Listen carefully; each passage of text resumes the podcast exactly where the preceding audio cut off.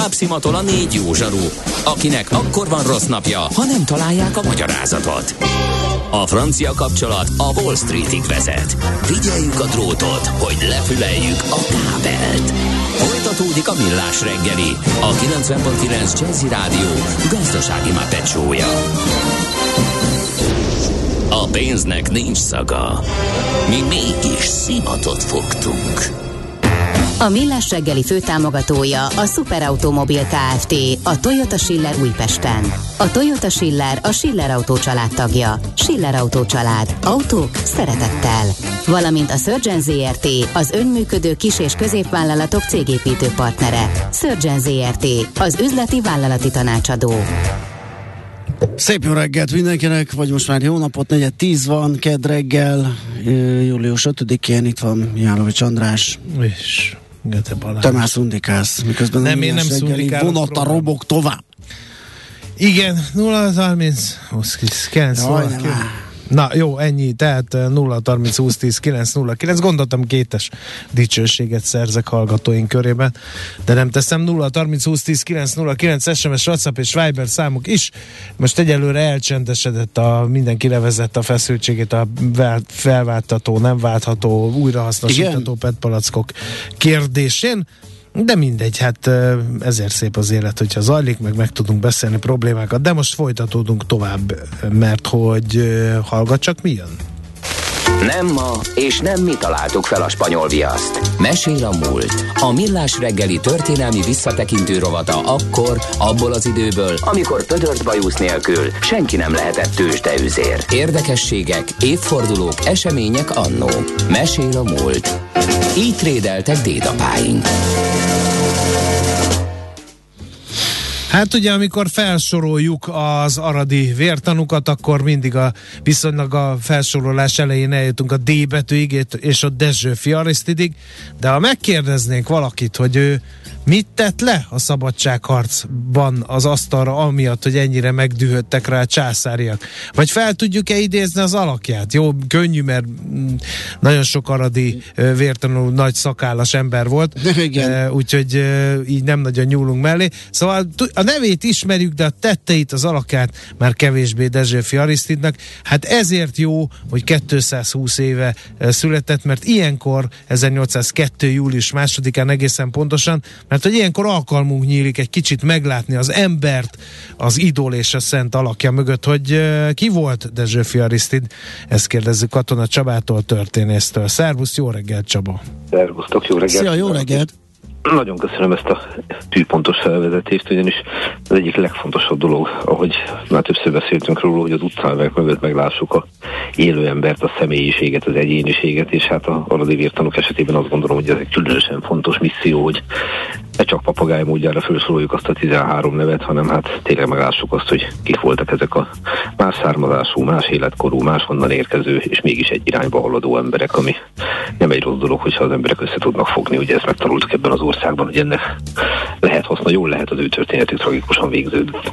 Igen, Tehát, és az Aradi 13-ból vannak olyanok, akik, akik így nagy kedvein, kedvencem személy szerint, például ugye Damjanics, főleg azért, mert hogy a katonai, katonai tevékenységük miatt. Kis Ernő is nagy kedvencem, ő is ugye Huszárt is szólt, ha jól emlékszem, és hát a Dezsőfi Arisztid is pont ezért kedvencem, mert egy, egy ízig-vérig magyar fegyvernemnek a tisztjeként alkotott maradandót a, a szabadságharcban.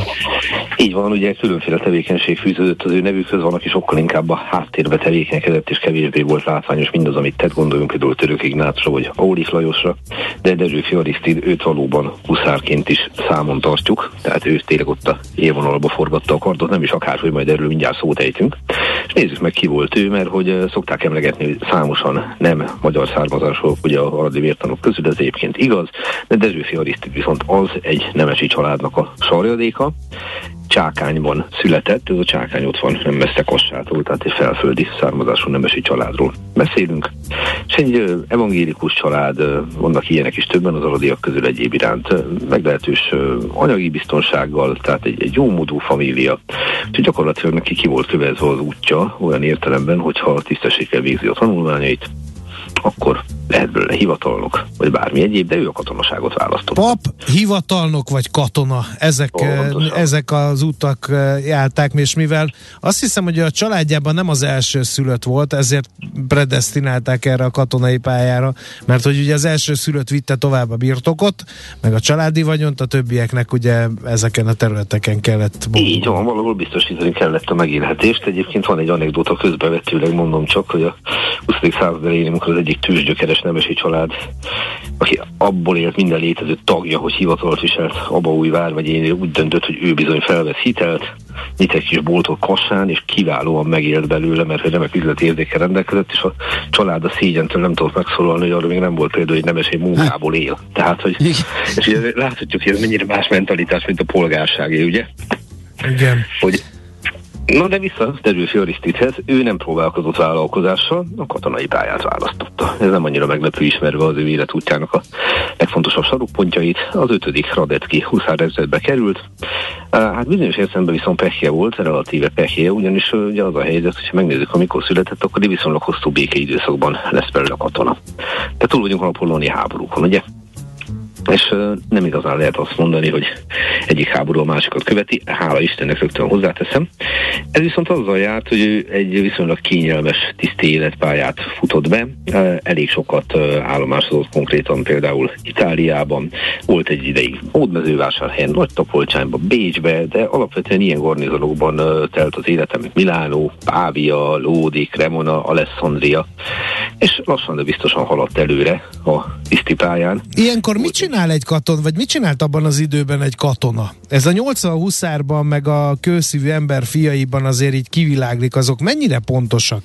Egy ilyen unalmas galíciai vagy északi garnizonba ö, abajgatta a legénységet, aztán meg kiment a tiszti kaszinóba és mulatoztak a tisztársaival?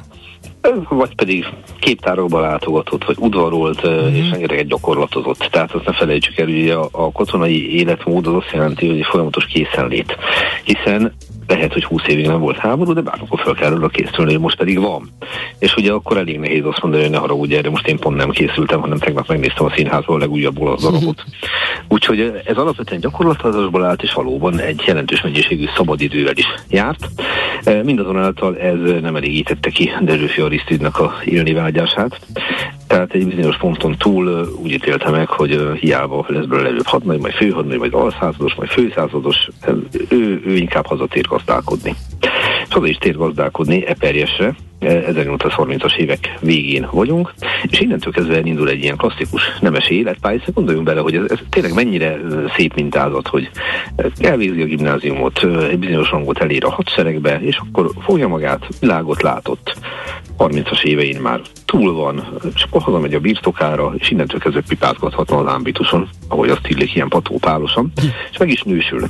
Feleségül vesz 1842-ben egy újházi Antónia nevű hölgyet, na és itt egy olyan dolog történik, konkrétan Budaméri és Rosnyóbányai újházi Antóniát, ami viszont az ő életét egy tragikus irányba viszi el. És egy olyan dolog történik, amit ma elég nehezen lehet értelmezni, nevezetesen a saját testvére lányát veszi feleségül. Tehát, hát uh, ezzel most nyertem egy nagyot, igen. Ez igen. abban az időben mennyiben volt elfogadott? E, ez azért akkoriban is feszegette a határokat. Tehát volt rá példa, volt rá példa, messze nem volt annyira távoli dolog, mint ma. És azt gondolom, hogy ez így helyes, ahogy ma van.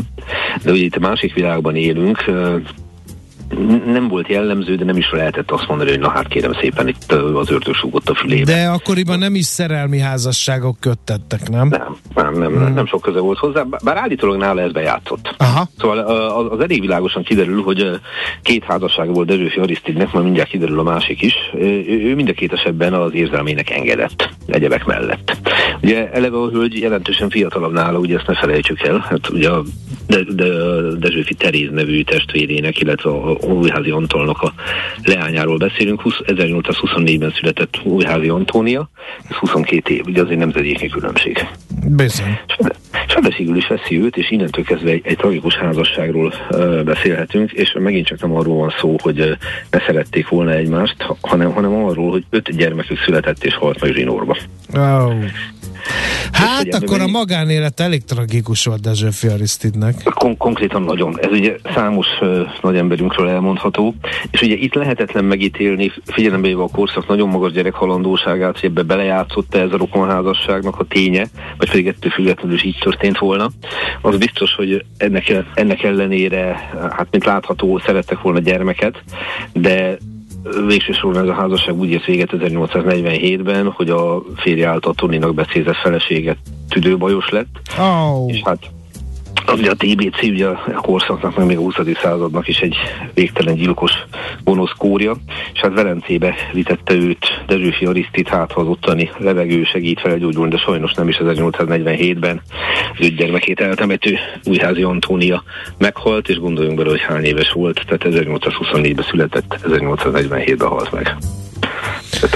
Hű, hű, hát szegény Dezsőfi Arisztid.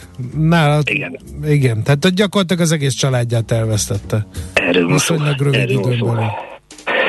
Ezek után talán nem is annyira meglepő, gondoljunk bele, hogy ez micsoda, micsoda trauma lehet ez számára, hogy hát amikor a 1848-49-ben sor kerül az ismert történelmi eseményekre, akkor a nyugalmazott katonatiszt a kardjához nyúl, és azt mondja, hogy amennyiben a hazavédelméről van szó, akkor kérem szépen itt vagyok. Szerintem ez számára elemi becsületbeli kötelesség volt, másfelől talán-talán abban is segített neki, hogy kiragadja abból a, abból a, a lelki helyzetből, abból a lelki állapotból, amiben ő volt. Na most ne felejtsük el, hogy azért több mint tíz év, bő tíz év kimaradt az ő szolgálati idejéből, és ugye fel lehetne tenni a kérdést, hogy esetleg hát berúdásodott-e a kordja, de, de nem rúdásodott be, hanem 48-49-ben nagyon szép katonai karriert fut be. Tehát egyfelől a hadvezetőként is kiváló teljesítmény nyújt, másfelől pedig a személyes bátorságával is kitűnik. Tehát például a Kossai ütközet 49. januárjának az elején, ott gyakorlatilag az egykori parancsnok, egyébként Mészáros Lázár, a hadügyminiszter is ott van a téren. Hát az, hogy nem lesz ebből nagyobb vereség, az gyakorlatilag neki köszönhető, mert az embereivel igen derekosan helytáll. Én olvastam valahol Dezső Fiarisztidről, hogy azt mondták, hogy ő a veszett csaták hőse. Ez így van, számos olyan csata volt, ahol, ahol gyakorlatilag ő tűnt ki leginkább a katonai teljesítményével, ennek ellenére magát a csatát nem sikerült megnyerni, de azért ott volt ő a kápolnai csatában, ott volt a tavaszi hadjáratnál, meg is kapja ezt megillet a, a joggal a magyar katonai érdemlen harmadik osztályát, és aztán halad előre a Langvécán, ott van Buda Ostrománál, vezérőrnagyi kinevezés kap, és közben újra eléri a szerelem képzeljük el ezt az életutat, ahogy, ahogy ugye tragikusan elveszti a feleségét, előtte a gyermekeit, és Szinyei Merse Emmának hívják a hölgyet, akibe, akibe szerelmes lesz, és nagyon sajátosan alakul ez a házasság, és nagyon sajátosan alakul ez a, ez a szerelem is. A hölgy megint csak jóval fiatalabb nála, tehát körülbelül a lánya lehetne, de hát ez alapvetően lássuk be semmit nem jelent. 1822 születésű ez a hölgyemény, Szinyei Merse Emma, ugye a Szinyei Merse családnak a tagja, gondoljunk csak jeles festünkre, aki ugyaninnen származik, és az történik, hogy 1849. júniusában feleségül veszi a hölgyet. Gondoljunk bele, hogy micsoda optimizmus lehetett, vagy micsoda remény lehetett Dezsőfi Arisztid, hogy 49. júniusában megnősül, ugye? Mm-hmm. Tehát nem, nem, nem azt látjuk, hogy tragédia készül, nem azt látjuk, hogy a végzetre készül. A Lipótvárosi plébánia templomban kerül sor az esküvőre, ez egyébként a mai Szent István Bazilika helyén van, és gyakorlatilag onnantól kezdve kimondja a boldog igent, rohan a horsztérre, mert hogy kötelezettségei vannak. És egy újabb tragikus vetülete az ő életüknek, hogy legközelebb az Aradi cellában találkoznak. Oh. Hát nem tudom, tényleg se jog a szívem Dezsőfi Arisztidért, mert én eddig mint katonát követtem az ő pályafutását, és én nem voltam tisztában ezzel, hogy őt így tépázta az élet, magánéleti vonalon. Sajnos veszett módon. Uh-huh. És, és majd meglátjuk azt is, hogy mi lett az asszonykának a sorsa. Viszont ami pedig Dezsőfi Arisztidért illeti, azért vele kapcsolatban említsünk meg pár dolgot még, mert azt gondolom, hogy Hát tényleg egy rendkívüli katonáról beszélünk, és a teljesítményéről csak annyit, hogy Negri Alajos, aki egy nagyon-nagyon jó tollú, jól lehet, nem feltétlenül a leghitelesebb, de azért mégiscsak nagyon-nagyon jó tollú krónikása volt ennek a egész reformkornak, sőt 1848-49-nek. Ő egyebek mellett arról ír, hogy amikor már augusztus végén fogságban van, akkor megszorítja őt egy orosz tiszt, és nagyjából idézem a párbeszédet, hogy Degré leírta. Mi, ismer, mi ismerjük egymást. Azt hiszem, kardjaink találkoztak. Mégpedig derekosan mindkét részről. Ugye Turánál. Amint az egyenruhájáról látom, igen. Én is arról ismertem rád. Egy csak azt a püspököt látnám, aki ott veletek harcolt. Az valóságos halál angyala volt, oly írtást itt végbe. Velünk, püspök? Igen, veres díszben mellén nagy kettős keresztel. Visszagondolkodtam. Ah, tudom már, az nem püspök, hanem Dezsőfi tábornok volt. Hm.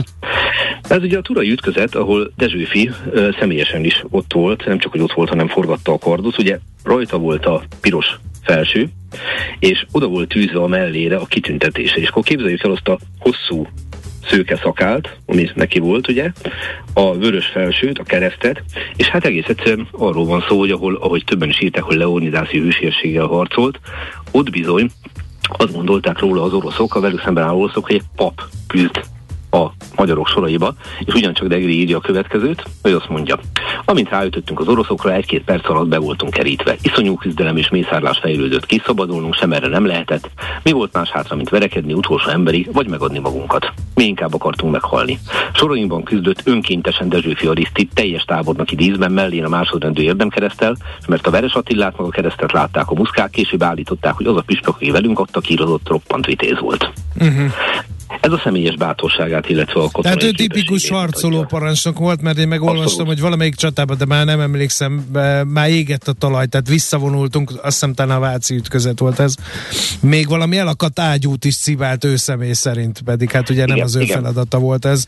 Tehát, hogy nem futott mondani. mindent eldobva, igen. Ugye van olyan parancsnok, aki azt mondja, hogy előre, ő az volt, aki azt mondta, hogy utálom. Uh-huh és ez meglehetősen hitelessé tette a személyét. És ez az is érdekes, hogy ő nem nagyon sebesült meg. Pedig nem, azért nem. ezek szerint közelharcba is részt vett, tehát hogyha azt mondták, hogy Leonidászi hősiességgel harcolt az oroszok ellen, és ugye mondták, hogy írtózatos veszteségeket okozott az oroszoknak ezekben a miket idézte ütközetekbe, úgyhogy elég bátor, meg jól képzett katona lehetett. Kapott sebet, de olyan súlyosat, ami kiütötte volna őt, mm. olyat nem. Olyat nem. Hát viszont ezzel együtt természetesen az ő ellenére, mint az közismert a történelemben, ugye nem tudtok elkerülni a összeomlást az orosz csapatok beavatkozása következtében.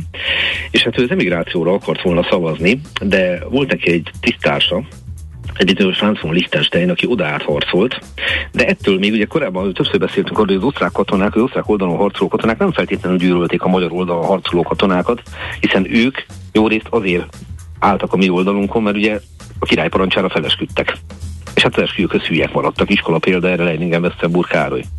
És Franz von Liechtenstein merő jó akarattal azt a javaslatot tette levélben Dezsőfi Arisztidnek, hogy a bizonytalan emigrációs isházasként ne kockáztassa meg, inkább adja meg magát, de az osztrák csapatoknak adja meg magát, és ez esetben Kiev közlik számára a kegyelmet. És Dezsőfi ezt választotta. Uh-huh. És nem volt logikátlan a dolog, hiszen ő nyilván a boldogságra készült a feleségével. Most elmegyek idegenbe, ki tudja, hogy ott mi vár rám, magammal tudom vinni a feleségemet, és elég bizonyosnak tűnt, hogy ez a dolog működik, és Hanson Lichtensteinnek a jó szándékát semmi okunk kétségbe unni, ő mindent megtett Dezsőfi Arisztidért. Uh-huh. Annyit sikerült elérni, amint az közismert, hogy Dezsőfi Arisztidet nem felakasztották, mint a, a gazember bűnözőket, hanem ugye, ahogy mondani szokták, lőpor és golyó által végezték ki. Aradom. És hát itt Aradon találkozott legközelebb a feleségével. Nagyon sok aradi virtum esetében okozott rettenetes fájdalmat az, hogy mi lesz a hátramaradott özvegyeikkel, hiszen egy nő egyedül nem tudja magát eltartani, tehát több példa is van arra, hogy egy közeli barát idővel feleségről veszi az özvegyet. Ez történt konkrétan Dezsőfi Arisztit özvegyével is. Kiváló bajtársa és barátja Máriási János miután kiszabadult, mert ő is ugye megfizetette azért, hogy részt vett 1848-49-ben, feleségül vette Dezsőfi Arisztid özvegyét. Azt tudjuk, hogy több búcsúlevelet is írt Dezsőfi Arisztid, és a feleségének írt búcsúlevele az én is meg, mert amikor a, ő meghalt 1871-ben, akkor már ugye Máriási János feleségeként, akkor azt kérte, hogy temessék el vele ezt a ezt a búcsúlevelet. És hát egy közismert történet róla, amikor a kivégzésre sor kerül, akkor ő, ő alszik és úgy kell felébreszteni. És mindenki néz a döbbenettől, hogy de hogy képes aludni, és erre azt válaszolja, hogy tiszta lelkiismeretem most az, hogy ott aludni. Igen, meg, meg én olvastam róla, és emiatt is szimpatikus volt, hogy ugye a többiek azért meg voltak rendülve, tudták, hogy mi vár rájuk, és miközben vitték őket a vesztőhelyre, én valahol olvastam, hogy Dezsőfi hangosan beszélgetett méghozzá e, szidalmazta a németeket, akik konkrétan őket legyőzték. Hát, hogy szemlátomás nem nagyon félt a haláltól Dezsőfi e, Ugye ő úgy fogalmazott, hogy nekem a halál semmi, sok ezer halál lebeget körültem a csatában, csak nem tudom megválni itt, hogy nagyon szeretek, ez fájdalmas. És ugye ezt tessük azzal össze, hogy gyakorlatilag uh-huh. idézőbe ráhagyta a feleséges sorsát ugye a barátjára. Hozzátartozik meg az ő történetéhez, hogy ugye méltatlan sírba került ő is, mint mindenki, és akit tudott a családja, azt igyekezett méltó módon eltemetni. Az ő holtestének a sorsa is uh, rettenetes. Hát az unoka az öccse Dezsőfi Kálmán uh, Bánó Miklós nevű rokkanokkal, illetve egy uh, Bideskuti Ernő nevű őrnagyja volt őrnaggyal megpróbálták uh, hivatalosan is megszerezni a holtestet, hogy eltemethessék őket. Erre nem volt mód. Megpróbálták ezek után ellopni, de vagy pontosan hát ellopni, méltatlan a kifejezés, azt mondanám, hogy tisztességgel eltemetni. Hogy eltemessék. Ez sem sikerült, és állítólag némi nemű pénz segítségével végül is sikerült uh, megoldani a dolgot. És amikor uh, kivették ebből a koporsóból, akkor kiderült, hogy a, a nagytermetű katonának a maradványait nem tudta bepréselni a, a koporsóba, és darabokra vágva. Jézusom! és hát, és hát így került aztán a margonyai családi kriptába úgyhogy tulajdonképpen legalább a méltó nyugalomhoz megadatott számára. Ma is ott nyugszik? Margonya? Ott van, igen, igen, ott van. Ott van, a legjobb tudásom szerint legutóbb a csemadok újította föl ezt a, ezt a sírt, úgyhogy itt, ha valaki tisztelegni akar előtte, akkor ide érdemes elmenni. És hát talán még egyetlen dolog, amit mondtam, hogy mindkét feleségét amennyire ki lehet tapogatni a forrásokból, így ennyi év elteltével szívből szerette. Egy búcsúlevél töredék maradt fönn tőle, több búcsúlevelet is írt, ezek, ahogy mondtam, nincsenek meg, ugye, amit a feleséghez írt, az azért nem, mert a koporsóba került, és és nagyon sajátos módon az első feleségéhez kötődő személyes tárgyait a második feleségére hagyta, tehát idézem, az a bizonyos evőeszköz, amelyel Tony mindig étkezett a nőjóra, amelyel Kálmán Velencében megtisztelte, ugye Kálmán a testvére, üvegképekkel díszít tárgya, az éjjeli szekrény és a kockadíszes. Odassék nagyon szeretett feleségemnek, Emmának. És ugye ebből látszik, hogy az első feleségéhez való mély kötődés, hogy ezeket a személyes tárgyakat magánál őrizte, és amikor, amikor tudta, hogy jön a végzet, akkor ezeket a által legjobban szeretett emberre a második feleségére hagyta. Úgyhogy összegezni akarom a dolgot, azt mondom, hogy mindig veszélyes dolog, hogyha megkíséreljük azt, amit ennek a műsornak az elején mondtunk, hogy megnézzünk egy személyes életutat, és úgymond visszaadjuk az emberi arcát egy, egy utca névtáblának, vagy az aradi vértanúk egyikének, mert hát akkor nem fogunk mosolyogni sokszor az életén se. E, mindezáltal azt gondolom, hogy ezek tükrében, amit tudunk, még nagyobb tisztességadosság Derülfi Arisztidnek voltában, ha már életében ez nem adódott meg neki, illetve nem adott meg. Hát nagyon szépen köszönjük. Köszönjük szépen. Szó elakadt, hang fennakadt. Azt hiszem a megemlékezés kapcsán. Emlékezzünk jó szívvel Dezsőfi Arisztidre, az ember, aki úgy annyira szeretett szeretni, és e, nőket, nőt is szeretni, meg a hazáját is szerette, és tett mind a kettőért, és é, mégis mi tragikus. Szoktuk, ugye az életére emlékezzünk, és nem a halálára, mert az életem ugye nagyszerű. Igen, köszönjük Köszönjük szépen. még egyszer, szép napot neked. Én is köszönöm, szia. Szia. szia. A 220 évvel ezelőtt született Dezsőfi Arisztit honvéd tábornokra, Aradi vértanúra emlékeztünk Katona Csabával, történésszel. Mesél a múlt robotunk hangzott el. Kövesd a múlt gazdasági és tőzsdei eseményeit kedreggelenként a Millás reggeliben.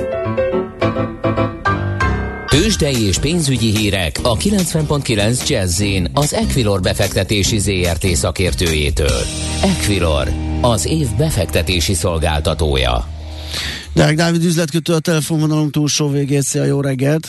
Sziasztok, jó reggelt, üdvözlöm a hallgatókat! Nőság, hogy kezdünk, és mit csinál? Devizapiacot is lesz izgalom, ahogy láttam. Főleg devizapiacon van izgalom. Fordítsuk meg, kezdjük el azzal, mert Jó. ránéztem most hirtelen az eurodollára, és nem látom a nyomát, hogy mi történt, de elég masszív dollár erősödés történt. Valóban elég masszív dollár erősödés is van a piacon, és a régiós devizák is gyengülnek, sőt Ezzel párhuzamosan ez szokott lenni. És igen. történelmi mélyponton a forint, ahogy igen. látom. Történelmi mélypontot is ütött a forint 405,32-es árfolyammal és jelen pillanatban is 1 euróért 405 forint 20 fillért kell fizetni a bankközi devizapiacon, a dollár kereszt jelenleg 390 forint 35 Sosem volt olyan. Szintén így van, szintén történelmi mélypont, és hát gyakorlatilag a befektetők valóban ugye két részben van, ugye árazzák a, gazdasági visszaesést, valamint ugye Magyarország esetén az, hogy valószínűleg ugye a, a piac várakozása szerint ősz előtt nem lehet megállapodás itt a, az EU-s pénzekkel kapcsolatban. Uh-huh. Uh, úgyhogy a rossz hangulatra igazából mi még ráteszünk egy lapáttal. Um, alapvetően egyébként... De ezt most így felismerték a befektetők, ezzel ébredtek, és akkor most áll a bál? Tehát külön hír nem volt ehhez?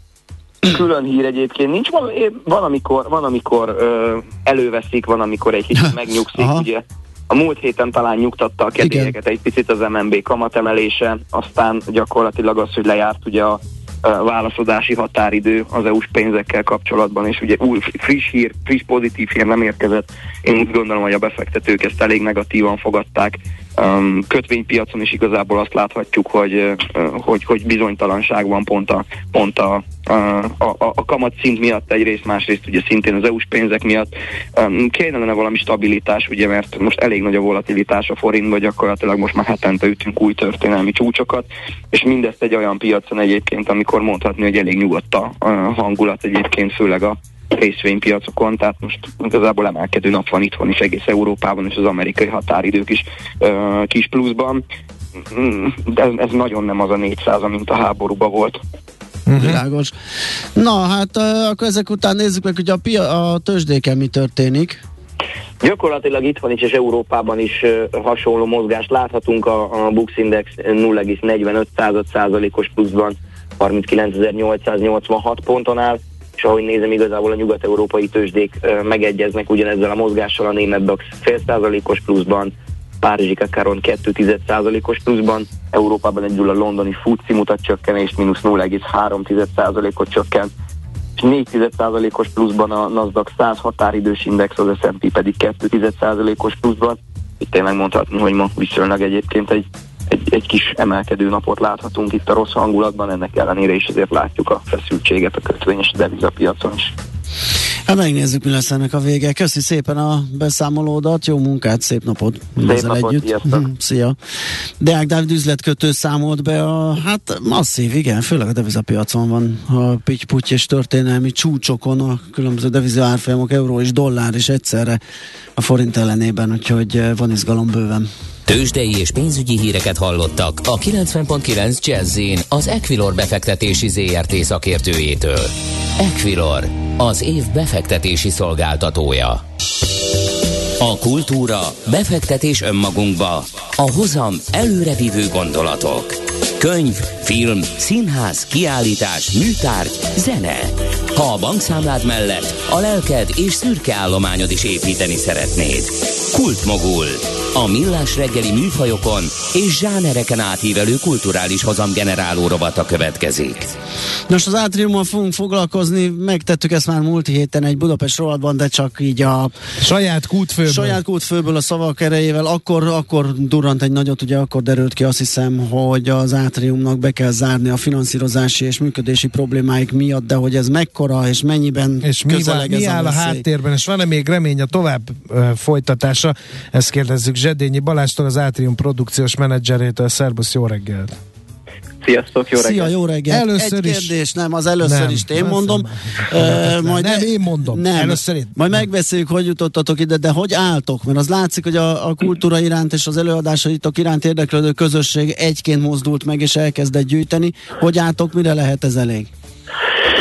A földcsúszamlásszerű az a, az a kiállás, ami az elmúlt pár napban az átrium körül van. Tehát azt, azt, is, azt jól, jól látjátok ti is, hogy valami egészen, egészen hihetetlen energiák mozdultak meg, és uh, Nizától Csepelig, uh, a Angliától, uh, tehát gyakorlatilag mindenhonnan érkeznek a, a mikroadományok, uh, és, és gyakorlatilag folyamatosan uh, látjátok, hogy egyre növekszik. Az első nap másfél millió forintnál tartottunk, ma 26 millió uh, forintot léptük Úristen, nagyon nagy a dinamika. Én, én az, a másik után hallottam egy 10 valamennyi, de lehet, hogy 3,6-ot néhány nappal ezelőtt. Óriási. Döbbenet, és, mert így, és, és ez a kifeje, mert oké, okay, magánszínházat, és ezt nagyon fontos letisztázni, még egy magánszínházhoz is ö, évente nagyságrendileg 200 millió forintra van szükség. Igen az intézménynek a jegybevételen felül ahhoz, hogy működni tudjon. Összehasonlításképpen ez nagyjából fele vagy harmada annak, mint amiből egy állami fenntartású színház hasonló infrastruktúrát és előadásszámot tud produkálni. Tehát egy magánszínház ennyivel tud jobb lenni, de ez a forrás viszont, viszont, viszont kell hozzá. A nézők most azt fejezték ki, hogy, hogy ők azt akarják, hogy ez legyen, és, és az is nagyon fontos, hogy amikor, ez, amikor mi kiraktuk, hogy, hogy vége nem tudjuk tovább csinálni, nem szerveztünk gyűjtést. Aha. Ezt a, ezt a közönség Abszolút saját maguktól maga, indult te, teljesen, teljesen, és ezért egészen megható, és, és valami egészen elképesztő, és innen is köszönjük mindenkinek, és nem csak a közönségnek, hanem például a Jéderman kávézónak is, aki, akinek meg az az ötlete támadt, hogy ö, csütörtökön, most csütörtökön minden, ö, ö, minden kávézó, aki csatlakozik hozzájuk, az aznapi kávé bevételeit az átrium támogatására ö, ajánlják fel. Igen, és Tehát buzdít ilyen... további vendéglátóegységeket a csatlakozásra, úgyhogy ott is, ott is indul egy szerveződés. Ez nagyon szép, és de ez tök jó elég? hallani, de mire lesz ez elég? Ahogy te is mondtad, ugye a jegybevételeken felül 200 millióra van szükség per év. Igen, igen, ez, ez most arra elég, hogy egy, egy picit, picit tovább láttunk az, az órunknál, tehát hogy a, a, de ez arra még nem elég, hogy azt tudjuk mondani, hogy igen, ö, meg tudjuk hirdetni a következő évad műsorát, és tovább tudunk menni. Ez akkor fog megtörténni, hogyha ennek látjuk ö, egy valamilyen rendszerét, hogy ne, ker, ne kerüljünk mindig ugyanebbe a helyzetbe, és a független kultúra ne kerüljön mindig ugyanebbe a helyzetbe. Ehhez az első, ami most megtörtént, hogy a közönség kifejezte, hogy, hogy ez neki fontos. Azt gondolom, hogy fontos, hogy, a, hogy, hogy azok a partner önkormányzatok, akikkel folyamatos a, volt a kapcsolat az elmúlt, az elmúlt időszakban is, bízom benne, hogy ők, ők is meghallják, és tudom, hogy erre szándék van, hogy, hogy az átriumnak is, és egyébként ugye nem csak az átrium van ebben a helyzetben, hanem, hanem például a Pintérbélatás vagy is Centreszél, hogy, hogy, hogy, ezeket, hogy ezeket valahogy rendbe lehessen tenni, és a legfőbb pedig az lenne, hogy azok a, azok a támogatási kérelmek, amik nem vannak a minisztériumban, azokat, azokat nagyon jó lenne, hogyha 8 hónap után méltányosan elbírálni. Igen, amikor mondtad, hogy mások is vannak ilyen helyzetben, ott már rávilágítottál arra, ugye, hogy milyen jelentősen változott meg a színházak finanszírozása, illetve a kultúra finanszírozása a TAO megváltozott rendszerével, ahol arányosan ugye volt egy rész, amit a, a csapatsportok mellett kultúrára lehetett fordítani, ez megszűnt és átment kézi vezérlésbe, és itt jön az, hogy valaki kap, valaki nem. Hát ez konkrétan úgy történt, hogy 2019-ben vagy 18-ban a tao megszüntették, 19-ben a többlettámogatási rendszer lépett a helyére, ami az hírekkel ellentétben nem egy pályázat, mert egy pályázatnak van határideje és transzparens elbírálási feltételei. Ezek kérelmek, és a kérelem, amiket a minisztériumhoz, illetve az államtitkársághoz kell beadni, és ezeket a kérelmeket, ezeknek a kérelmeknek nincsen határideje, elbírálási határideje. Ezért lehet az, hogy 2021 novembere óta nem csak a mi, hanem még számos más független színház kérelme is bent van, és 8 hónapja érvényes, de el nem bírált státuszban van. Tehát akkor akár arra is elég lehet, legyünk optimisták, ez a gyűjtés, hogy kicsit, kicsit tudjátok húzni az időt, és esetleg valamiféle pozitív elbírálás is jöhet a pályázatotok felől. Igen, illetve hogy, hogy, hogy csütörtökön lesz egy támogatói napunk, Aha. ugye a, a kávézó, a Jéderman kávézó kezdeményezéséhez csatlakozva mi is nyitva leszünk egész nap, illetve este lesz egy koncert, amire szeretettel várunk mindenkit, erre támogatói jegyeket lehet vásárolni, és de aki nem akar beülni, az ha be, beül a kávézóba, a, akkor is legalább együtt vagyunk. Ezen az estén megpróbálunk felvázolni egy olyan, egy olyan modellt, amivel esetleg ö, lehet esély arra, hogy tovább menjünk, de ehhez az kell, hogy a közönség minél nagyobb arányban kifejezze azt, hogy, hogy az átrium neki fontos. Ö, és így fontos. Ö, tehát, tehát egyelőre ennyit, ennyit tudok mondani. Nekünk is ez egy új helyzet. Aha egy dologra nem készültünk, ami most van. Világos. Tehát, hogy Figyelj, és ez oké, okay, nagyon szép ez a megmozdulás, de legyünk a reál kultúrpolitikusok. Ha ez az év így vagy úgy megoldódik, akkor, akkor van arra remény, vagy látsz arra esélyt, hogy ez hosszú távon megnyugtatóan rendeződjön ez a, ez a átrium helyzet? Akkor megyünk tovább, ha erre reális esély van. Uh-huh. Tehát e, ezt, ezt hogy, hogy hogy most ugye a közönség átvállalt, azt gondolom más döntéshozóktól egy nagy, ö, nagy százalékot, ez, ez így ebben a formában nyilvánvalóan nem fenntartható. Nekünk ö, azt kell látnunk, hogy van egy fenntartható működési rendszer, amiben kiszámíthatóan tudunk kultúrát csinálni és színházat csinálni a közönségnek, akkor fogunk tovább menni, hogyha ezek a feltételek adottak lesznek. Mi nagyon szorítunk a rövid és hosszú távú terveitekhez is, és nagyon, nagyon örülünk, hogy a közönség is így, így gondolkodik, úgyhogy hajrá! Köszönjük szépen! Köszönjük, hogy beszélgettünk, szia! Köszönjük, szia! Zsedényi Balázsral, az Átrium produkciós menedzserével váltottunk pár szót arról, hogy hogyan is áll a finanszírozásuk. Kultmogul. A millás reggeli műfajokon és zsánereken átívelő kulturális hozamgeneráló rovata hangzott el. Fektes be magadba, kulturálódj! Ez volt ma, és majd lesz egy hasonló holnap is fél héttől, ugyanebben a felállásban a héten talán csak egyszer változik ez, de még az sem biztos, mert annak is számos feltétele van. Úgyhogy holnap mi Mihálovics Andrással várunk titeket nagy szeretettel, tehát fél héttől tízig egy új millás reggeliben, most viszont hírek, zenék, délutáni programok, mi van ma kedd, akkor még talán okos utas is lesz este. Úgyhogy ehhez jó rádiózást, és egy kicsit enyhébb, kicsit hűvösebb, kicsit uh, a forróság kisebb szorításában eltöltött szép napot kívánunk nektek. Sziasztok! Már a véget ért ugyan a műszak, a szolgálat azonban mindig tart, mert minden lében négy kanál. Holnap reggel újra megtöltjük a kávés bögréket, beleharapunk a fánkba és kinyitjuk az aktákat.